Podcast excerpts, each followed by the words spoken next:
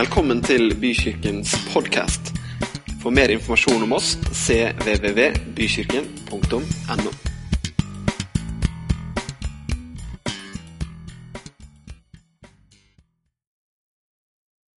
Jeg tenkte at vi egentlig skulle bare stupe rett inn i det og, og eh, åpne Bibelen. Og jeg, jeg, pleier å gjøre det sånn da at jeg kan si hvor du skal lese. Det er i Markus evangelium kapittel 6, men det tar noen minutter før vi får lest. Men det er fordi det tar noen minutter for noen å finne fram også. Så dermed så har du god tid nå på å finne Markus evangelium kapittel 6.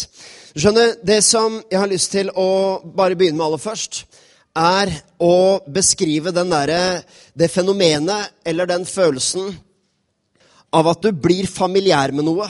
Du blir trygg på noe. I noen settinger så er det en veldig god ting.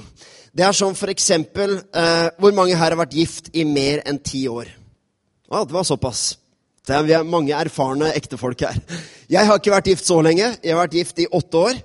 Eh, og det er noen ting som man i starten som man er liksom veldig veldig opptatt av og bevisst på, og man vil gjerne vise seg fra sin beste side. Og man sitter jo liksom på de første datene, eventuelt, hvis det var sånn man møttes. Jeg vet ikke om det, om det er arrangerte ekteskap her også, kan hende, men, men i hvert fall med Jeg har alltid mistenkt at mitt og konas ekteskap faktisk er arrangert av mødrene våre.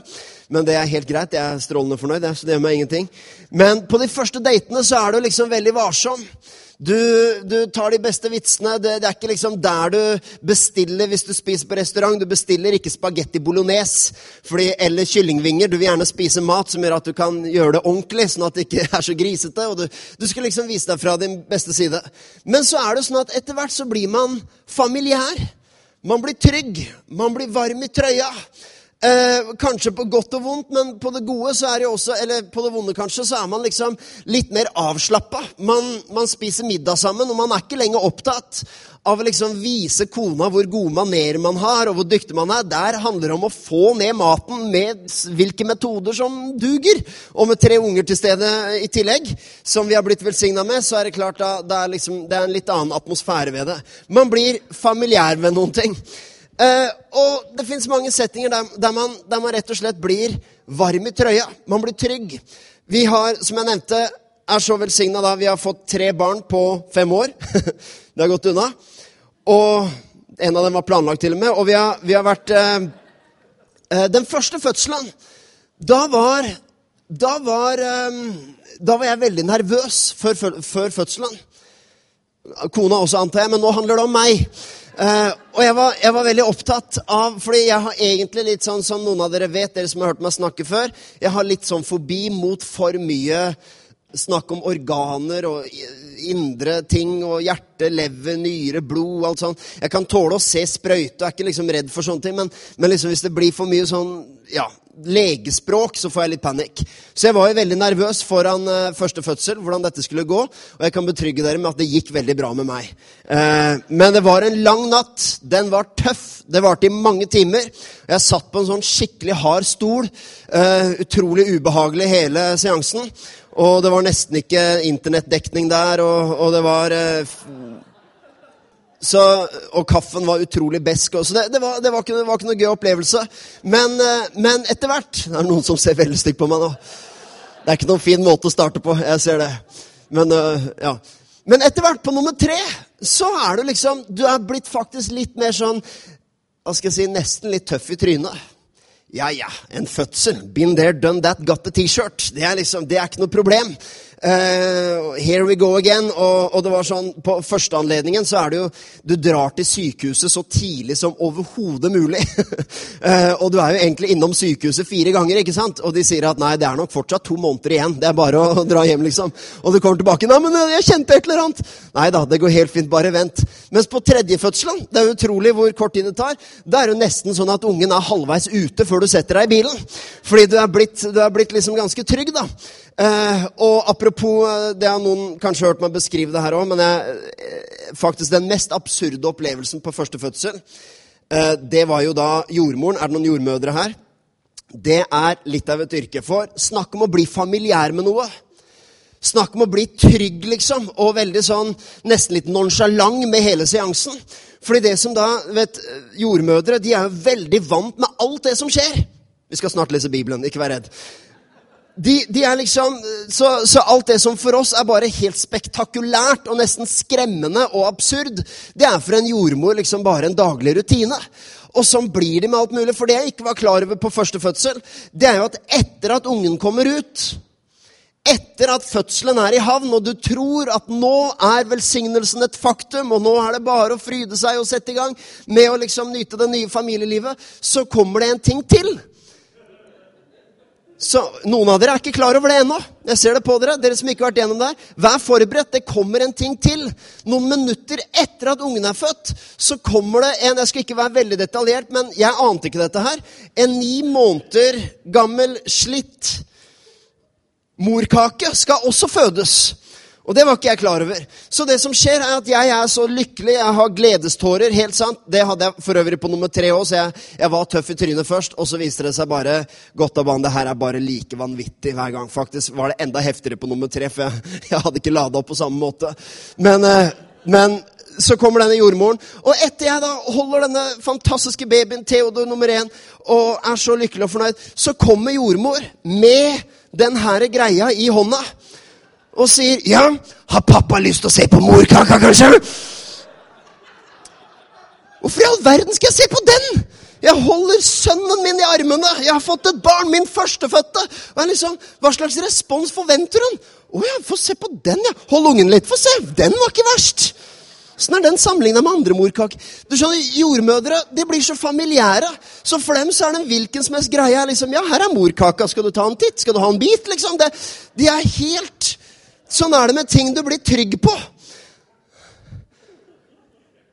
Det verste er over nå. Resten her blir seriøs bibelundervisning med, med substans. Men du skjønner, det er et artig fenomen at, men, at ting som for én person er helt spektakulært, for en annen person er dagligdags og helt ordinært. Så samme fenomen, samme hendelse, samme ting, samme observasjon kan gjøre at mennesker, enten de er familiære med det eller ikke er familiære med det, møter det på to helt forskjellige måter. Nå skal jeg beskrive ut fra Markus evangelium kapittel 6 en situasjon hvor familiaritet faktisk fullstendig kveler all tro i rommet. Og Jeg skal begynne med et sitat av en som heter Craig Rochelle. Han eh, er pastor faktisk i for tiden USAs mest Altså USAs største menighet, faktisk, i antall besøkende. Han sa dette The opposite of faith is not doubt, but familiarity.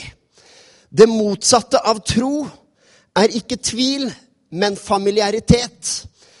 Og det som skjer i Markus evangelium kapittel 6, det er at Jesus kommer inn, Guds sønn, Messias, frelser, herre, konge. Og kommer inn og er egentlig i gang med å helbrede, med å gjøre tegn og under, med å drive ut demoner og sette mennesker fri. Men folk i Nasaret de responderer med familiaritet. Hva er det som er så spesielt med han? Vi veit da hvem han er. La oss lese Markus evangelium kapittel 6 og vers 1-6. Det står om Jesus han gikk derfra og kom til hjemstedet sitt, og disiplene fulgte ham. Da sabbaten kom, begynte han å undervise i synagogen. Mange som hørte ham, var slått av undring og sa, 'Hvor har han dette fra?' 'Hva er det for en visdom han har fått?' Og slike mektige gjerninger som han gjør. Er ikke dette tømmermannen, sønn av Maria, og bror til Jakob, Joses, Judas og Simon? Og bor ikke søstrene hans her hos oss? Og de ble forarget og avviste ham. Men Jesus sa til dem, en profet ble ikke foraktet noe annet sted enn på hjemstedet sitt, blant sine slektninger og i sitt eget hus. Han kunne ikke gjøre noen mektig gjerning der. Han bare la hendene på noen få syke og helbredet dem, og han undret seg over vantroen deres. Så vandret han omkring fra landsby til landsby og underviste. Det er ganske spesielt at Jesus Det er en av kanskje eneste hendelsene i alle de fire evangeliene. Der Jesus faktisk ikke og ordlyden er spesiell. Han kunne ikke gjøre noen mektig gjerning der. Denne atmosfæren av familiaritet, den kverte all heder, all respekt, all tro, all forventning, all tillit til at Gud kan gjøre ekstraordinære ting gjennom ordinære mennesker. Fordi familiaritet kvelte all tro i rommet. Vi vet jo hvem han er. Vi kjenner søsknene hans. Vi har spilt med han. Vi, vi, vi spilte håndball i hagen med han. Ikke om det var idretten på den tiden, men de, de, har, de, de, vet hvem familien hans er. De vet navnet på dem. De er fullstendig familiær. Og det er nesten som om, det er litt sånn som, hvis jeg har skjønt det riktig Nå ble det mye legeting her i dag, men en vaksine fungerer visst på den måten at når vi blir vaksinert, så sprøyter man inn faktisk en bitte liten del av sykdommen. Er det noen leger, sykepleiere eller andre sånne blodyrker som kan bekrefte det her? at du sprøyter inn en liten, en liten bit av bakterien eller av sykdommen, og så tror kroppen at han har hatt sykdommen, og dermed unngår han å få det. For den blir, den blir eh, resistent mot sykdommen fordi kroppen forteller seg sjøl at ja, det der har jeg hatt. Been there and done that, sier, sier, kroppen om den sykdommen fordi du har fått vaksine. Og det er interessant å tenke på at sånn er det kanskje med veldig mange nordmenn og evangeliet og med Jesus. De har fått en liten dose av kristendom. De har fått en liten dose, kanskje til og med av Jesus, og tenker 'Jeg vet hvem han er'. Jesus er ikke det. Ja, det var han vi hørte om da jeg ble konfirmert. Jesus, ja, ja, det er han som de derre kjipe folka kriger i hans navn for. Eh, Jesus, ja, det er han. Man har fått en liten dose av et eller annet. Og så er man blitt resistent, for man tror man vet hva det er.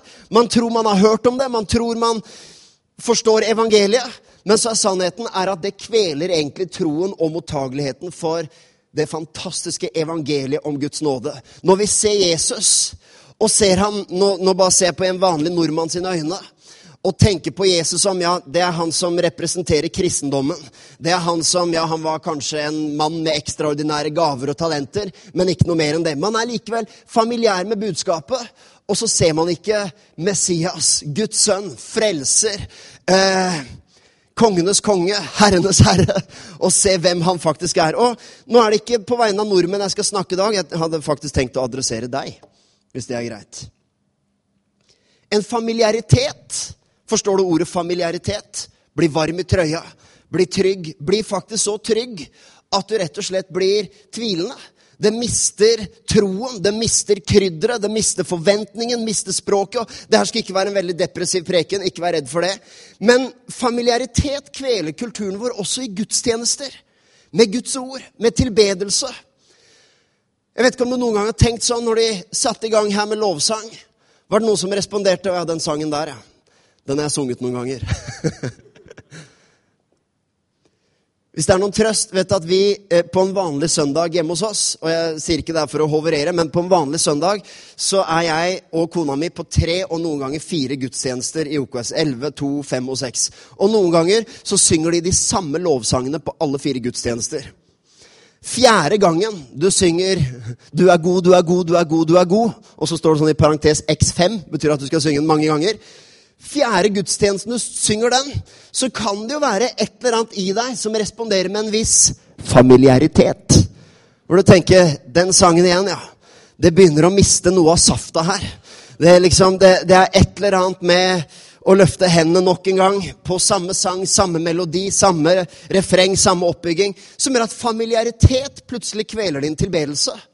Og jeg sier igjen ikke dette her for å gjøre meg selvrettferdig på noen som helst slags måte, men fordi jeg vet hvor farlig familiaritet er i sin relasjon med Gud, i sin deltakelse i gudstjeneste, i sitt forhold til Guds ord, så har jeg rett og slett bestemt meg for at jeg tillater ikke familiaritet å komme inn i mitt sinn, i min ånd, i mitt hjerte, i min tanke en millimeter.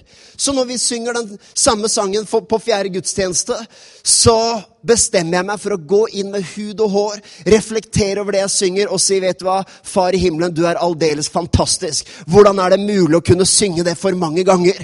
Hvordan er det mulig å kunne tilbe deg for mye? Så kjenner du bare den freshe ånden av takknemlighet, av tilbedelse, fordi Bibelen sier at det ytre mennesket går til grunne.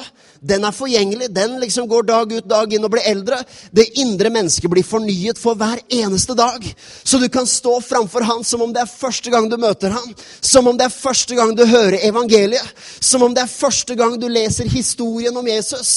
De bibelversene, fordi vi kan bli familiære med Guds ord. Med Bibelen. Jeg åpner Bibelen og leser Markus evangelium 6, og du tenker å ja, det er Jesus i Nasaret. Ja, jeg har hørt noen prekter om det før. Mm. Kanskje han tar det perspektivet der som jeg hørte for et par år siden. den predikanten. Jeg tror jeg vet hva dette kommer til å handle om. Jeg har hørt sånne Nasaret-prekener før. Kan du se hvordan, hvordan familiaritet kveler all forventning? Kanskje til og med det kan bli litt sånn med personer. Jeg skal komme tilbake til det. Det er egentlig uh, Vi er egentlig nesten ikke i gang, men jeg, vi skal passe på klokka her. Men du vet, det kan ha blitt litt sånn når vi har valgt Bent Ove til pastor. Så opplevde jeg i rommet her, så var det en god forventning på det. Og jeg er sikker på at dere er kjempetakknemlige og hedrer han og, og heier på han og, og, hjelper han i den jobben han skal gjøre. Men det kan jo også være sånn at en ånd av familiaritet av og til også kveler noe av respekten. Man kan tenke at ja, Bent Ove, ja, vi veit hvem han er.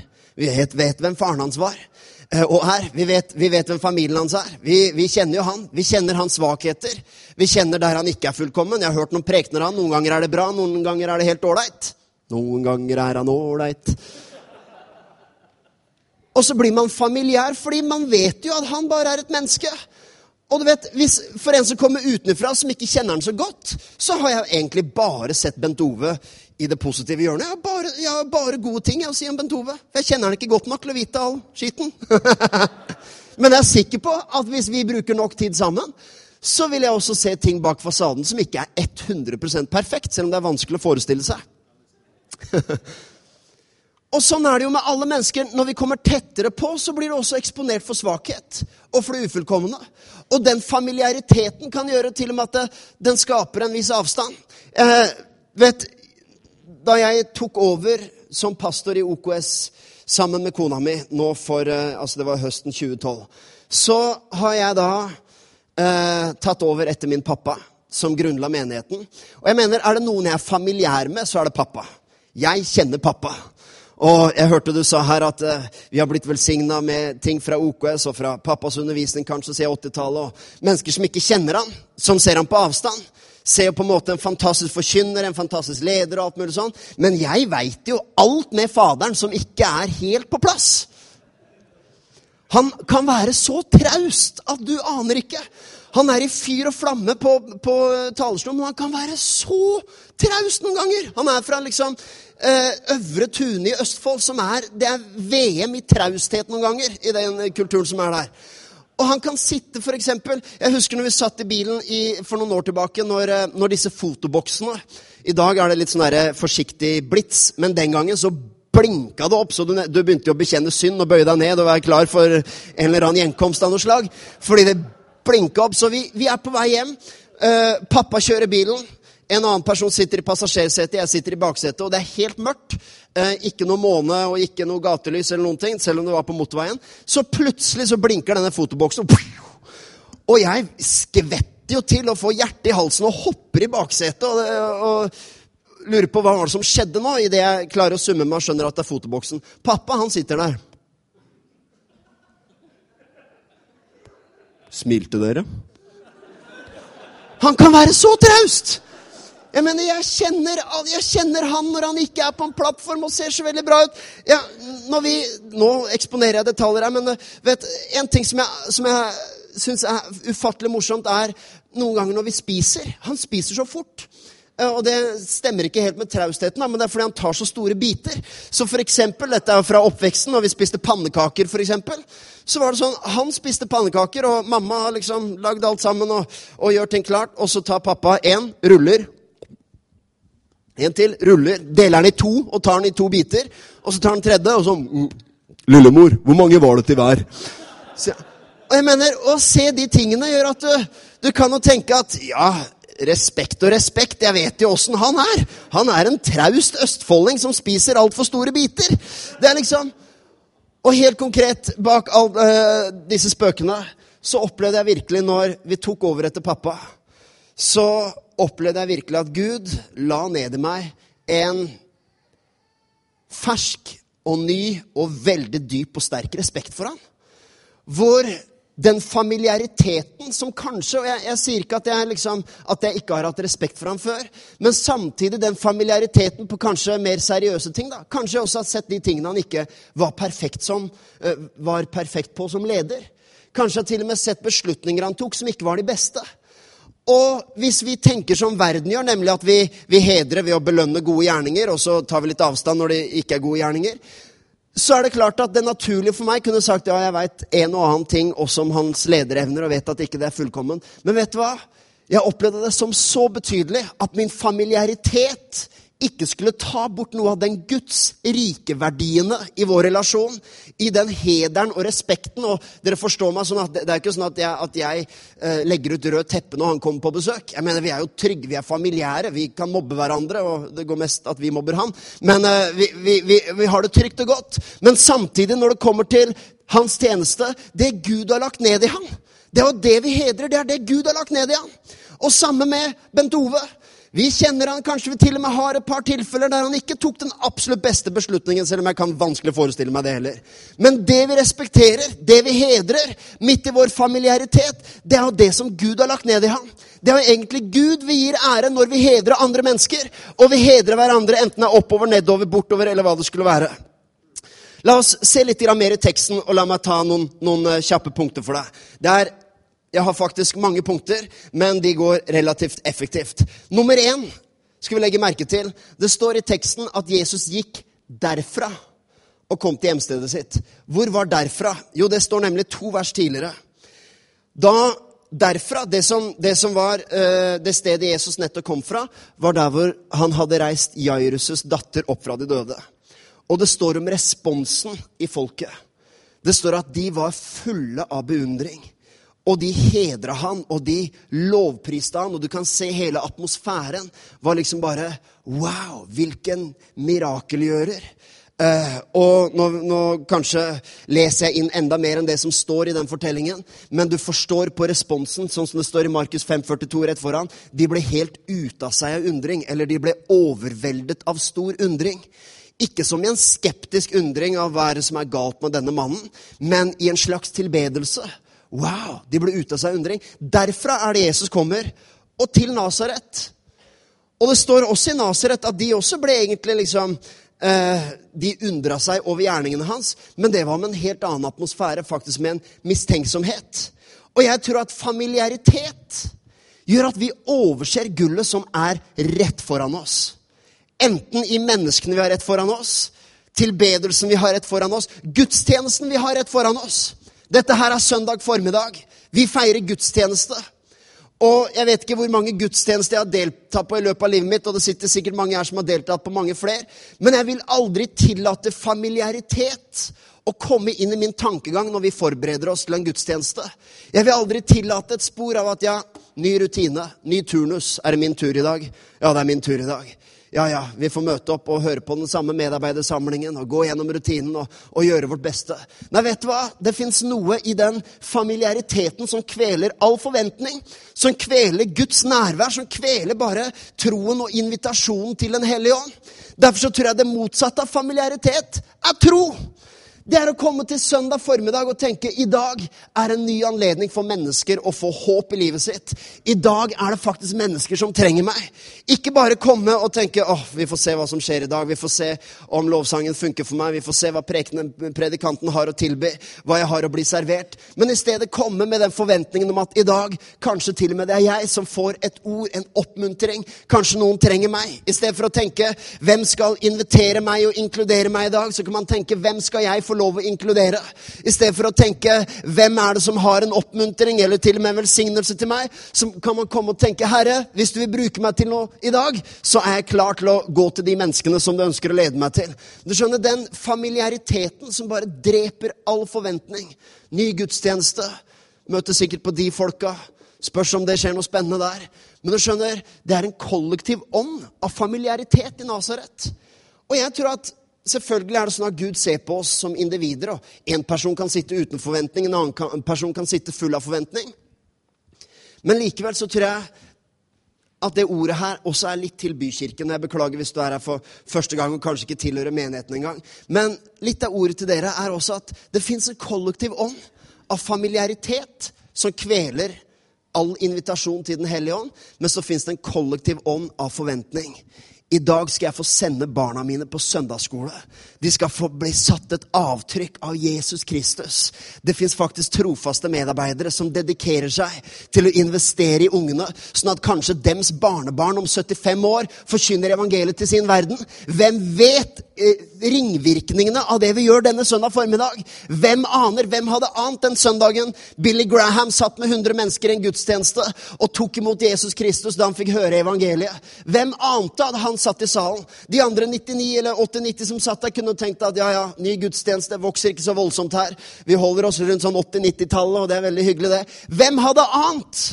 hva Gud egentlig gjorde på det stedet. Jeg vet at det er litt sånn voldsomt eksempel, men jeg tror at vi inviterer Den hellige ånd. Vi inviterer Guds stemme til å snakke til oss. Vi inviterer Jesus til å berøre oss når vi blir kvitt en ånd av familiaritet og bytter ut den med en ånd av forventning, av tro, av tilbedelse. Så og igjen, jeg håper ikke du oppfatter meg som jeg, er fantastisk på dette her. Men hver søndag formiddag så bestemmer jeg meg. Jeg begynner å snakke til mine tanker. Inviterer Gud inn og sier, 'Herre, i dag er det gudstjenestetid.' 'I dag skal vi proklamere ditt navn.' 'I dag skal ditt folk komme sammen.' Og jeg vet at kristenlivet lever selvfølgelig syv dager i uka, men jeg tror at vi heller ikke skal bli familiære og redusere kraften av det å komme sammen i hans navn. Jesu kropp kommer sammen. Hva som helst kan skje. Selv om vi selvfølgelig har forberedt oss og vi har noen ting som, som er faste elementer, så er det likevel sånn at midt iblant det så virker Den hellige ånd ved kafébordene etterpå. Så har vi en forventning. Jeg står i dusjen hver morgen. Det er min bønnestund. Fordi at eh, med, med alle disse tre barna under fem år, så er det ikke noe andre rom. Det, er, det fins ikke fred å få. Men i dusjen, jeg dusjer lenge, for der står jeg og setter i gang dagen og bestemmer meg for at denne søndagen er ikke en rutinebasert søndag i rekken av søndager. Dette her er en unik mulighet. Dette er din dag, Herre. Dette er en seiersdag.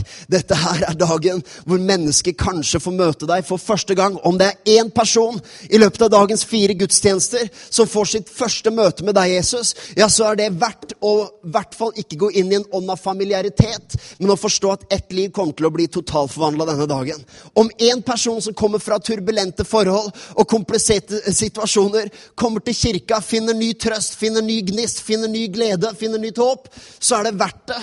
Å møte det uten en ånd av familiaritet, men med forventning, og kanskje til og med mulighet til at jeg kan få bidratt med noe i det. Jeg mener, jeg skal gire ned. Det står videre hva slags visdom er det som er gitt ham, som gjør at slike mektige gjerninger og så videre, som han gjør? Og det er som Familiaritet produserer mistenksomhet fremfor takknemlighet. For det er sånn at når du blir familiær med noe, så kan du liksom ikke helt tro at det er fra Gud. Fordi du kjenner jo svakhetene. Kanskje noen her, jeg vet ikke, noen kjenner meg kanskje. Og hørt, sett meg danse i tights, f.eks.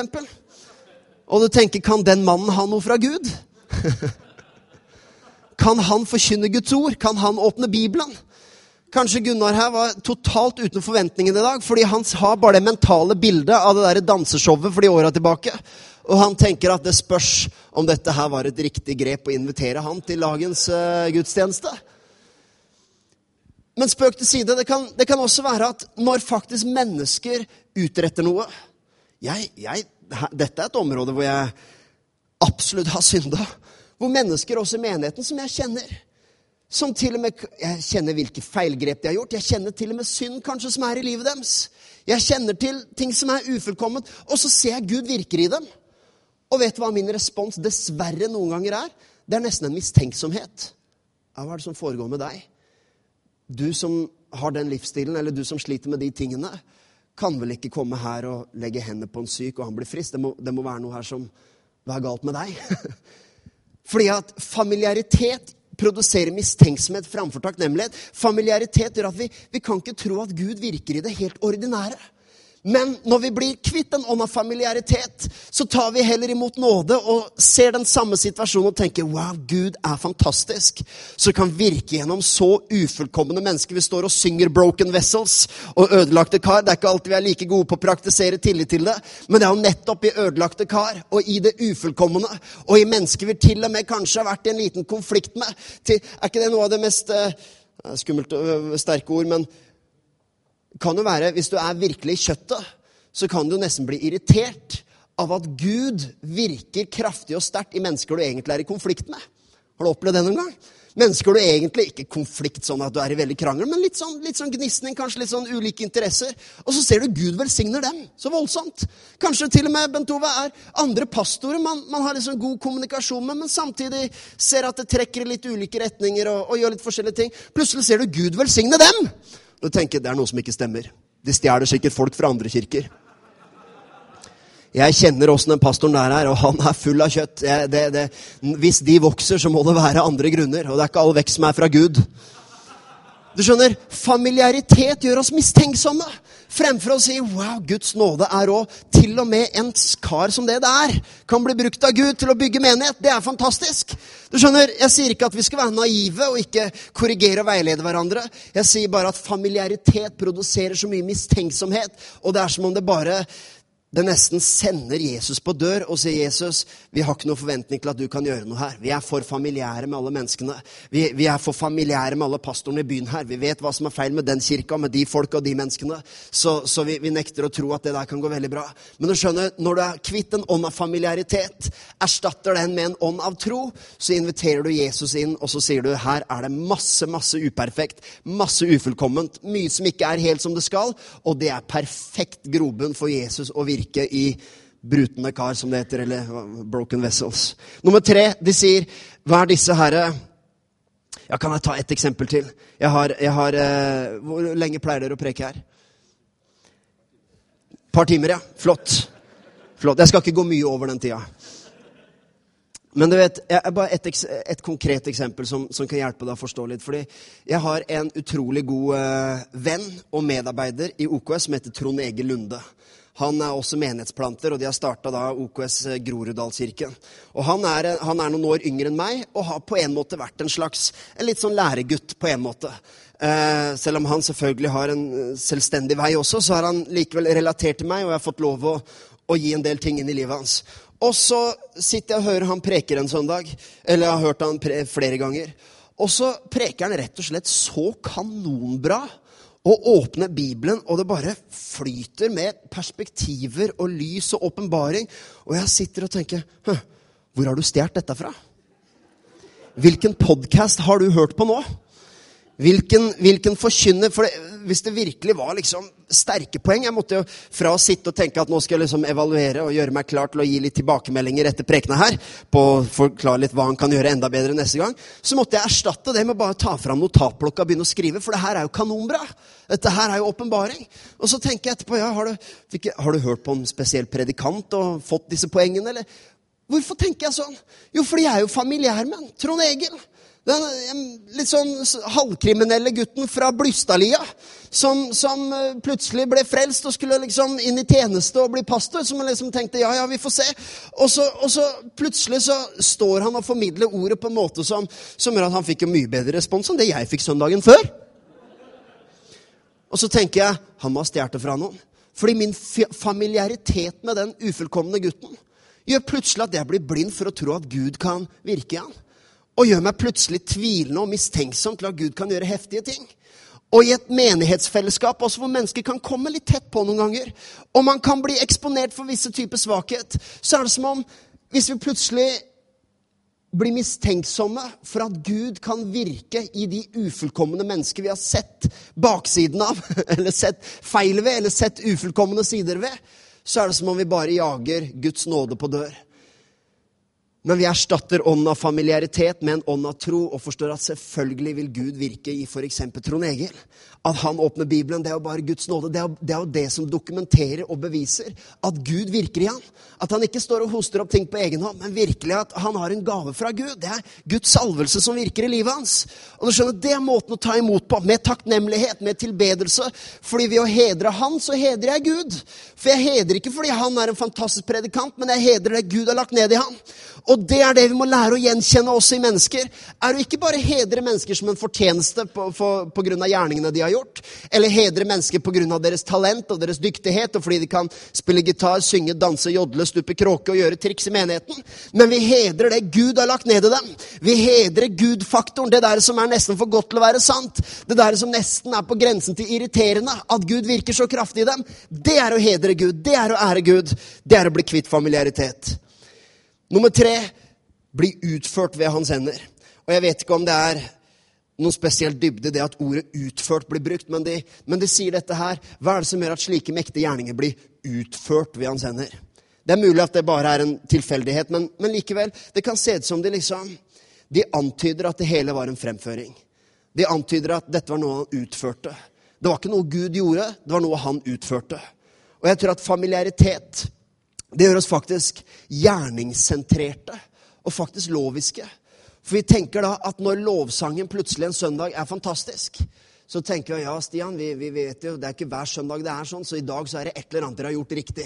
Det er et eller annet med lydmann, tror jeg det er. Det er et eller annet som Men du skjønner Jeg er sikker på at det, at det ikke er sånn reaksjon du får i lovsangen her. Men likevel, de antyder fordi de kan ikke tro at Gud faktisk virker. Jesus fordi de kjenner han. De har vokst opp med han. Det er tømmermannens sønn, en normal person. Så dermed så blir de gjerningssentrert, for de tenker hvis han skal gjøre noe enestående, hvis han skal gjøre noe unikt, ja, da må det være en prestasjon. Det må være en fremføring av noe slag. De nekter å tro at det rett og slett bare er Gud-faktoren. Nummer fire er ikke dette tømmermannen, sier de. Tømmermannen. Familiaritet gjør oss blinde for at Gud virker i vanlige mennesker. Faktisk For halvannen uke siden så delte jeg noen av disse tingene i min egen kirke. Ikke på en søndag, men på en sånn DNA-kveld vi hadde. Og En av de som kom og hadde vitnesbyrd den kvelden og delte noen fortellinger, er en veldig trofast dame i menigheten som, som er advokat. Og hun beskrev hvordan virkelig Gud hadde lagt noen, noen, ting på hjertet hennes som hadde med hva hun skulle bety for sine familiemedlemmer, som også innebar å faktisk be for noen i sin familie som var uh, syke, og som hadde vært det i mange, mange, mange år. Og hun, hun, eh, Det yter ikke rettferdighet å gjenfortelle dette, fordi hun holdt et enestående vitnesbyrd og forteller hvordan hun fikk frimodighet til å be for sitt familiemedlem.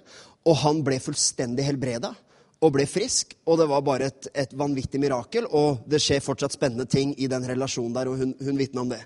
Så kan man jo tenke liksom er ikke, det, er ikke det advokaten? Hun er vel ikke helbredelsespredikant, er hun det? Jeg har aldri, fordi Det hun beskrev av type helbredelse, så, begynte, så kan man respondere og tenke jeg tror ikke jeg har opplevd en så heftig helbredelse på en god stund nå. At jeg har bedt for noen. Men hun, en helt vanlig advokat i menigheten. Ikke noe lederteam, ikke noe pastor, ikke noe bibellærer, ikke noe rolle. Forstår du perspektivet mitt? Bare nikk litt og smil litt hvis du forstår det. Fordi du tenker plutselig Hun er bare en helt vanlig person i menigheten. Er det hun som skal stå for helbredelsestjenesten her? Er det ikke pappa som skal kalles på når vi skal be for de syke? Og så plutselig så ser man bare så klart og tydelig Er ikke dette tømmermannen? Er ikke dette snekkeren? Skal han være Guds sønn? Come on! Snekkeren som vi vokste opp sammen med, og som vi kjenner familien hans og søsknene var i nabolaget her, skal han komme og frelse oss og begynne å be for de syke? Kan du se hvordan familiaritet gjør at vi bare kveler all forventning til hverandre? Enn å tro at enhver lærer, barnehageassistent, enhver advokat, lege, jordmødre er en egen kategori, men absolutt alle yrker Selvfølgelig. Gud virker i dem. Og du skjønner, Når vi blir familiære, så, så, blir vi blinde for at Gud virker i det normale. Og så ender vi med å dyrke kanskje heltene, vi ender med å dyrke de vi ser på TV. Vi ender med å dyrke kanskje store, hotte kristennavn og predikanter vi liksom hører fra andre siden av Atlanteren eller et eller annet sted. Der, ja, der borte skjer det mektige ting. Og så blir vi blinde for Vi er for familiære med det som er rett ved oss. Hvem, hvordan kan du som jobber som barnehageassistent, tro at Gud kan virke deg i hverdagen? Vet du hva? Familiaritet er det motsatte av tro. Det femte er at de sier, 'Er ikke dette Marias sønn?' sier de. Er ikke dette Marias sønn? Og faktum er at i jødisk språk så omtalte du aldri noen person som sønn av moren sin. Selv når faren var død, så omtalte du, vil du alltid ha omtalt Jesus som Josefs sønn, eller sønn av Josef. Men her så sier de, er ikke dette Marias sønn? Og ifølge flere bibelleksikoner og, og, mennesker som har greie på dette, her, så sier de at du aldri omtalte mennesker som sønn av moren sin med mindre du ønska å snakke nedsettende om dem. Med mindre, med mindre du ønska å på en måte fornærme dem. Da sa du 'sønn av moren'. Og det er et eller annet her som er bare i den kynismen. Dette er en kalkulert fornærmelse fra Nasaret sin side. Og tilbake til det jeg sa om pappa i stad. Du skjønner, Familiaritet gjør oss så respektløse. Det gjør at vi blir kyniske. Mennesker vi har hørt før, mennesker vi har sett, mennesker vi kjenner det ufullkomne av. Og så blir vi rett og slett litt sånn respektløse. Og jeg vet at jeg tviler sterkt på at dette er en forsamling der folk er respektløse mot hverandre. Men man kan se kanskje til og med mennesker som har, som har, som har vært i det kirkelige landskapet på en eller annen måte. Og se bare hvordan mennesker med tiden, ettersom man blir litt familiær med deres feiltrinn og blir familiær med ditt og datt, så ser du bare av og til ulike blogger, ulike reaksjoner, ulike liksom bare måten man snakker på mennesker man har sett før. Så blir det etter hvert en respektløshet. En bare sånn totalt utakknemlighet for det Gud faktisk har virka i dem. Og det Gud har gjort, og I stedet for å bli takknemlige for andre kirker som vokser, eller at Guds rike går frem, så blir man mistenksomme og begynner å tenke ah, det greiene der begynner jeg å bli lei av. Nei, vet du hva? Nasaret så ingen mektige gjerninger fordi de ga ingen honnør til Jesus når han kom. De kalte han Marias sønn. Det sjette, og jeg, jeg, kan egentlig få opp en uh, Kan ikke du bare ta kassegitaren, så blir jeg påminnet om at nå er det avslutning. Det er det gitaren er til for.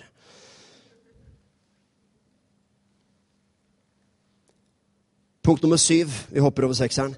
De sier, er ikke dette bror til Jakob, Joses, Judas og Simon, sier de. Familiaritet gjør at vi reduserer mennesker til en kategori eller et etternavn. For de sier at ja, vi kjenner søsknene. Og jeg vet, jeg, Kanskje er denne talen er litt sånn menighetsintern, men det, men det, gjør ikke noe når dere har rykende fersk pastor og greier. Så er det greit med litt sånn DNA-preken, er det ikke det? Sier jeg. Du har ikke mulighet til å protestere her og nå. Men du skjønner, det er faktisk fullt mulig noen ganger, dessverre, så er det mulig å bedømme mennesker ut fra hvor de kommer fra, hvilken familie de tilhører. Også i en kirke hvor man blir tett på hverandre, så hender det man har med ungdommer å gjøre. Man vet hvem de er sønn av.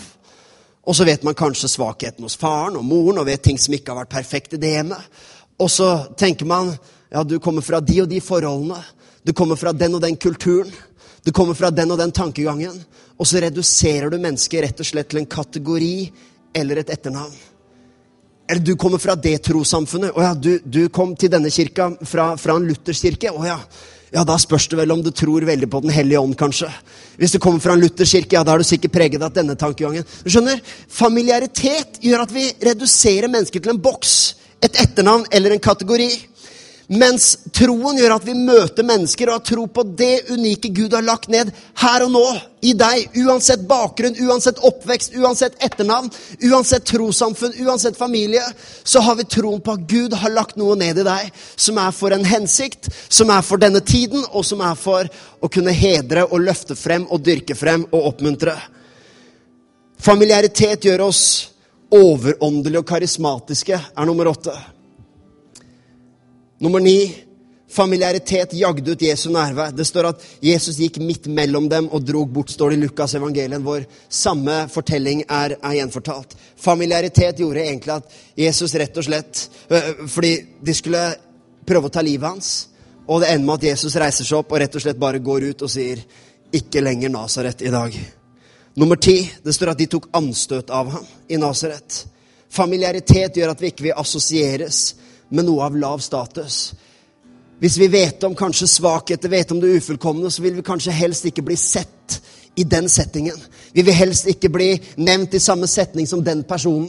Vi vil kanskje helst unngå at mennesker tror vi er bestevenner med den personen, for de vet hva, hva de står for, og hva de har gjort. Familiaritet gjør at vi ikke vil assosieres med det svake, med det ufullkomne eller med det lave. Og Nasaret de tok anstøt av ham. De ville ikke ha noe med han å gjøre. Men du skjønner, troen den gjør det motsatte. Den tenker ikke så mye på signaleffekt, den tenker mest på effekt. Og noen ganger når du tenker familiært, så er du opptatt av signaleffekt. Hvem blir jeg sett sammen med? Hvem, jeg, hvem er det som vi blir assosiert med? Kanskje man tenker sånn som kirke, og hvem, hva slags kirke er det folk tror vi er? Hva, hvem, hvem, er det vi skal alliere oss med? Kanskje når vi inviterer Thomas Åleskjær, så tenker de Kanskje de andre i byen tenker at vi er sånn dansekirke med tights. Veldig irrelevant problemstilling. Men familiaritet gjør at vi, vi vil ikke assosieres med visse ting.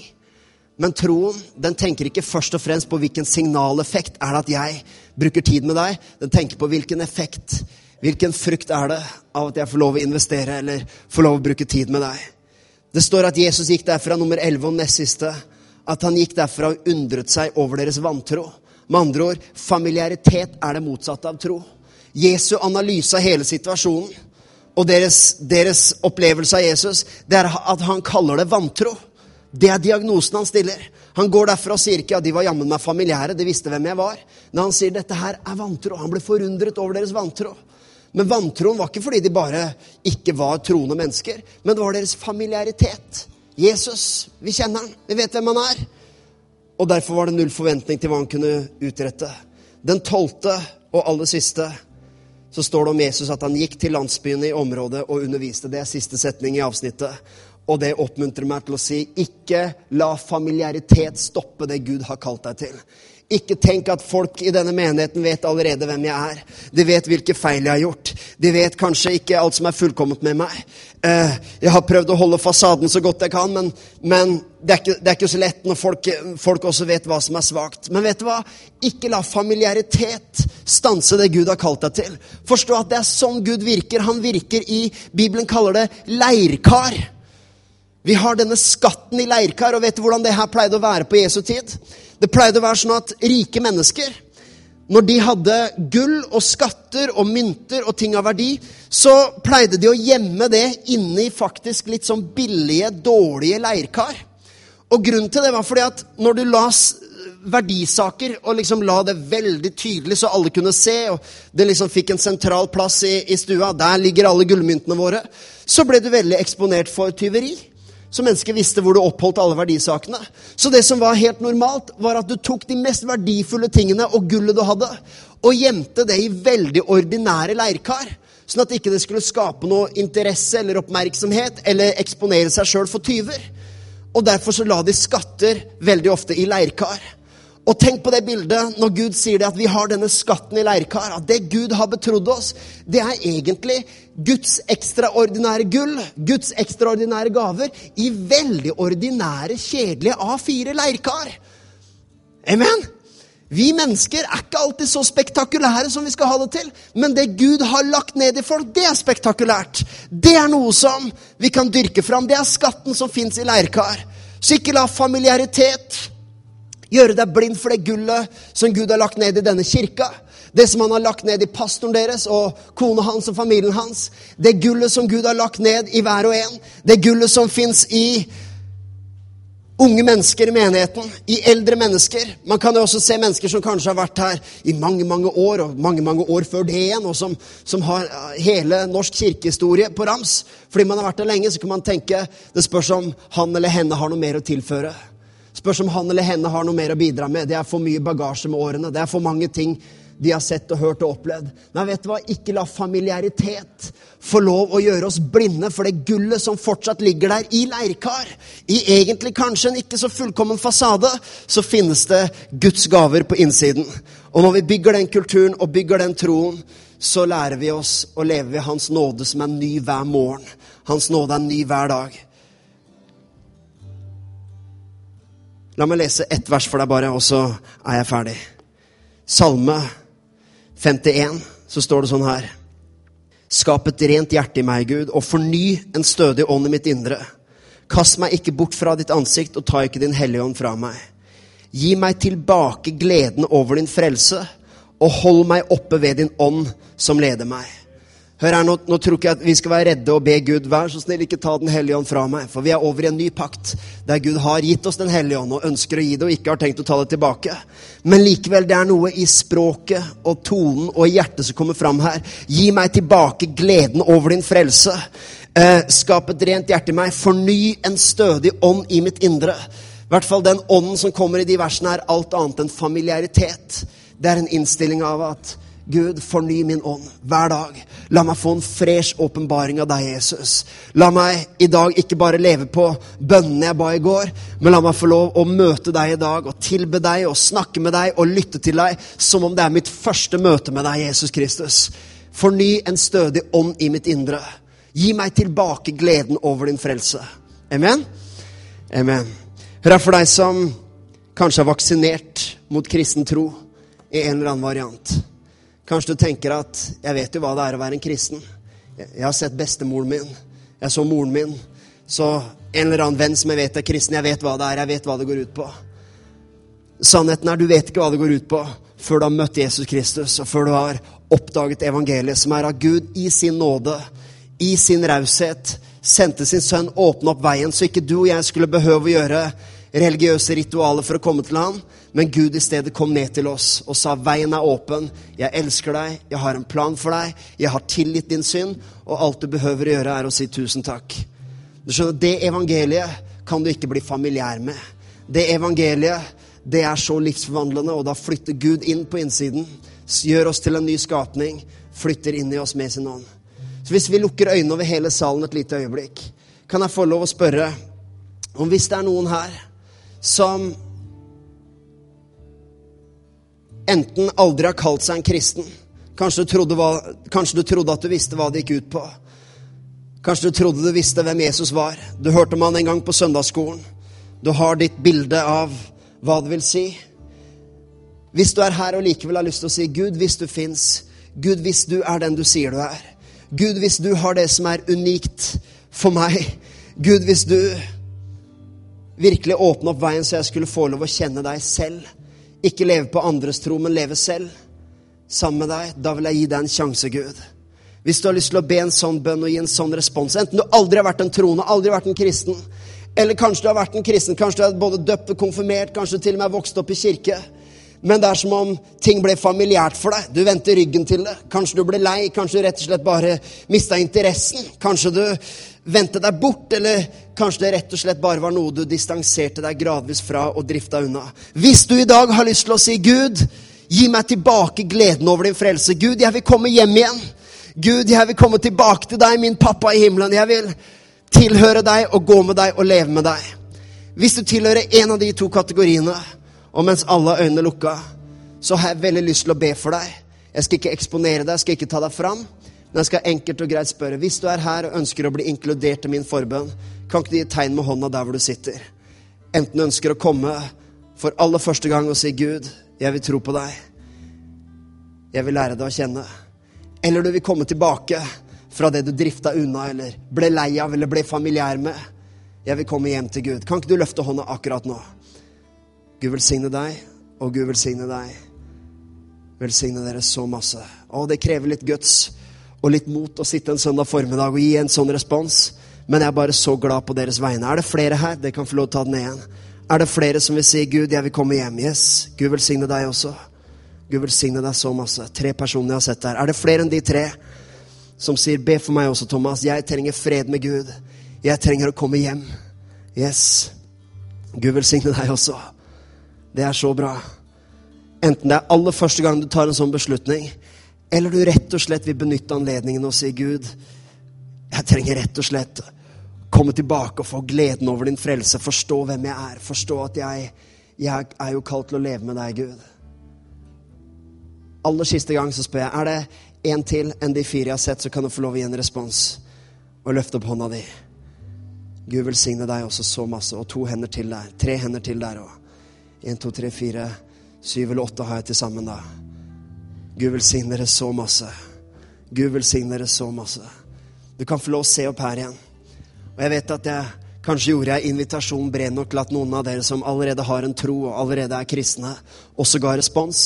Men det gjør ingenting. Akkurat her og nå er jeg så glad for det hjertet ditt har respondert. Og jeg syns vi alle skal gi de en kjempeapplaus for deres mot og for deres guts.